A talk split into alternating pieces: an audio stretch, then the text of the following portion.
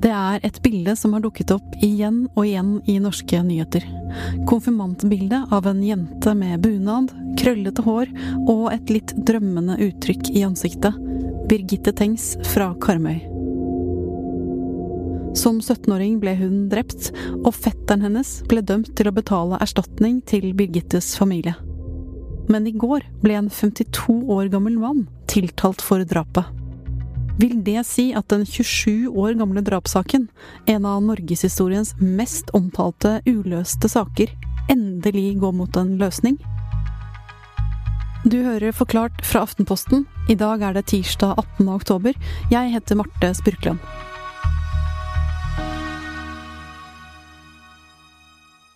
Andreas Bakkefoss, journalist her i Aftenposten. Hva skjedde med Birgitte Tengs? Dette er tilbake til en fredagskveld 5. Eh, mai i 1995 på Karmøy utenfor Haugesund. Birgitte Tengs eh, er ute i Kopervik sentrum, som ligger på Karmøy, sammen med masse andre folk. Det er eh, god stemning, det er utesteder og diskotek, og det er mange ungdommer som samles på torget der i, i sentrum. Birgitte Tengs blir sett lenende mot det som skal være en grønn bil. Vi vet ikke hvem hun snakket med der, eller hva de snakker om, men det var på en eller annen måte en interaksjon med denne bilen og Birgitte Tengs. Etter midnatt den kvelden så er det ingen sikre observasjoner av 17-åringen. Og morgenen etter, den 6. mai, så blir hun funnet av en bonde som er ute. Ja, og senere skal det vise seg at Birgitte Tengs hadde blitt voldtatt, og hun skal ha dødd etter å ha blitt slått flere ganger i hodet med eller mot en stein. Og denne hendelsen her har vi jo ikke blitt ferdig med. Hvorfor det? Dette er jo en sak som har vært et mareritt eh, for Norge i 27 eh, år. Eh, og det er også mye av grunnen til at den er så oppsiktsvekkende. Jeg tror hele Norge på en eller annen måte har hatt en mening om denne saken, og fått med seg noe rundt denne saken i alle de årene den har vært diskutert. Så vil vi også gjerne få svar på drapssaker, og de fleste drapssaker i Norge, nesten alle, blir jo oppklart. Og derfor så tror jeg de sakene som ender opp som uløste, blir ekstra ekstra vanskelig for oss å forholde oss til. Hva landet etterforskningen på den gangen? Det som skjedde i etterforskningen den gangen, var jo oppsiktsvekkende allerede da. Halvannet år etter eh, at Tengs ble funnet, så ble fetteren hennes, som var to år eh, eldre, pågrepet og, og, siktet for eh, drapet. Og han eh, tilsto først i avhør at han hadde drept Tengs, men så trakk han tilståelsen etterpå. Han mente at det var politiets avhørsmetoder som eh, fikk han til å tilstå noe han ikke hadde gjort. Hva skjedde med fetteren i retten? Denne saken var jo oppsiktsvekkende også i rettssystemet, for i den første instansen, altså i det som i dag er tingretten, så ble fetteren dømt til 14 eh, års eh, fengsel for å ha drept eh, Birgitte Tengs. I lagmannsretten, som jo skal kontrollsjekke tingrettens beslutning, så ble han frikjent for drap, og de mente det ikke var grunn til å dømme han for, det, for dette drapet. Men så ble han dømt i en annen type sak? Ja, og det er jo litt spesielt med denne saken. Fetteren ble altså frikjent for drapet på Birgitte Tengs, men han ble i en sivil sak, altså en annen sak, så ble han da dømt til å betale erstatning til foreldrene til Birgitte Tengs.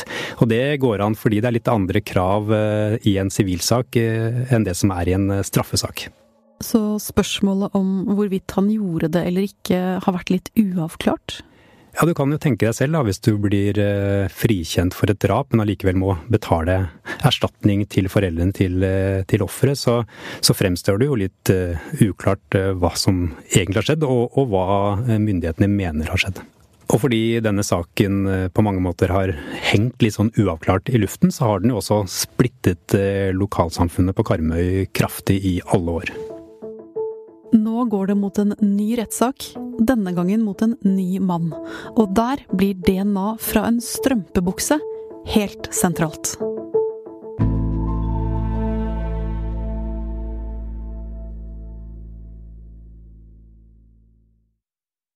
En mann i 50-årene fra Haugalandet er tiltalt for drapet på Birgitte Tengs på Karmøy i 1995. Det bekrefter nå Riks...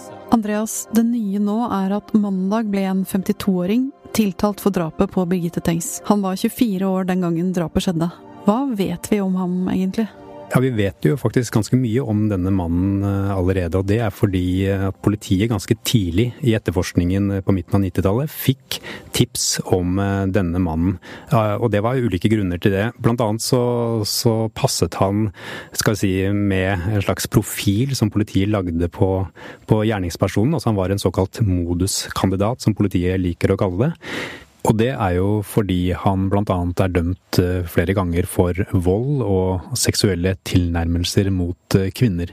Han er også dømt for å ha stjålet eh, dameundertøy. Han hadde heller ikke alibi for den kvelden hvor drapet skjedde. I tillegg så disponerte denne mannen, som jo selv var fra Karmøy, en grønn bil på dette tidspunktet hvor Birgitte Tengs eh, ble drept.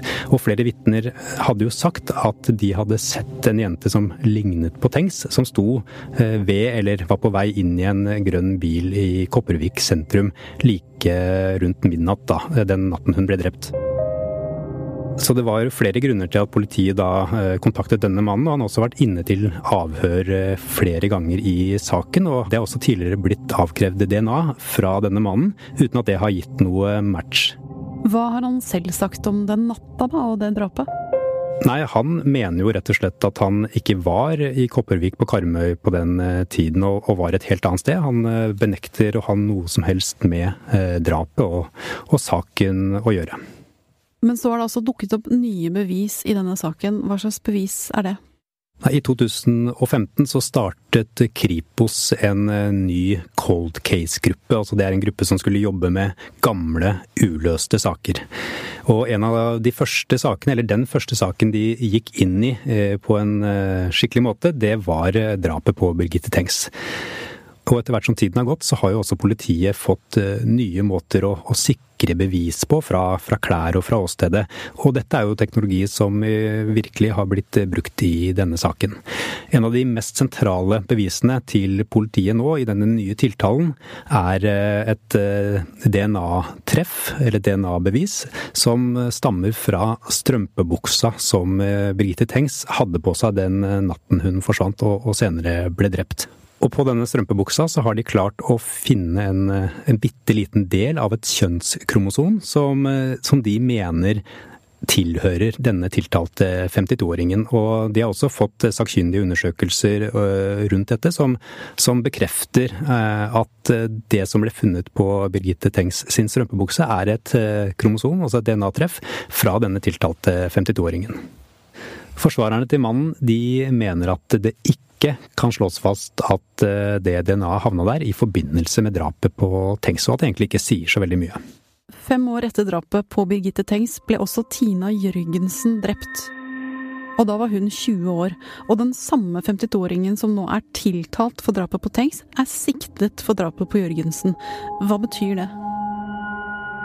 Det betyr jo at eh, politiet mener at eh, han har begått eh, begge drapene, men i Birgitte Tengs-saken så har det da kommet en tiltale.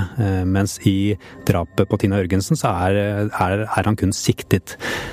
Og der har de da sendt alle sine dokumenter og, og sin etterforskning til statsadvokaten, som skal da vurdere om det også skal tas ut tiltale for drapet på Tina Jørgensen.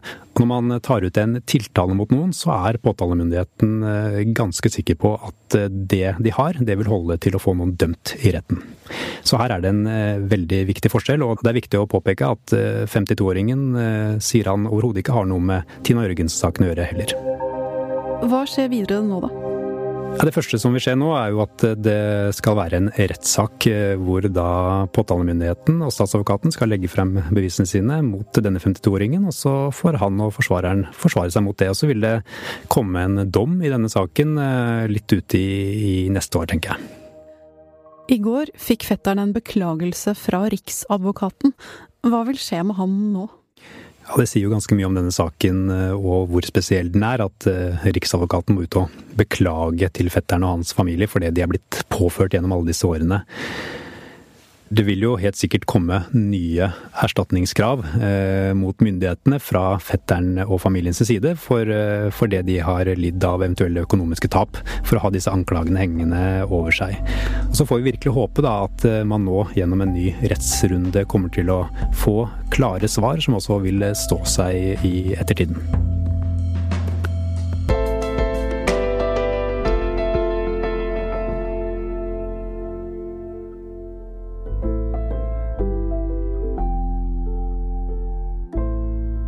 Det var Andreas Bakke Foss som fortalte om den nye tiltalen i Birgitte Tengs-saken. Denne episoden er det Anne Lindholm, Jenny Føland og jeg, Marte Spurkland, som har lagd. Lyden du hørte, var fra NRK, P4 og VGTV.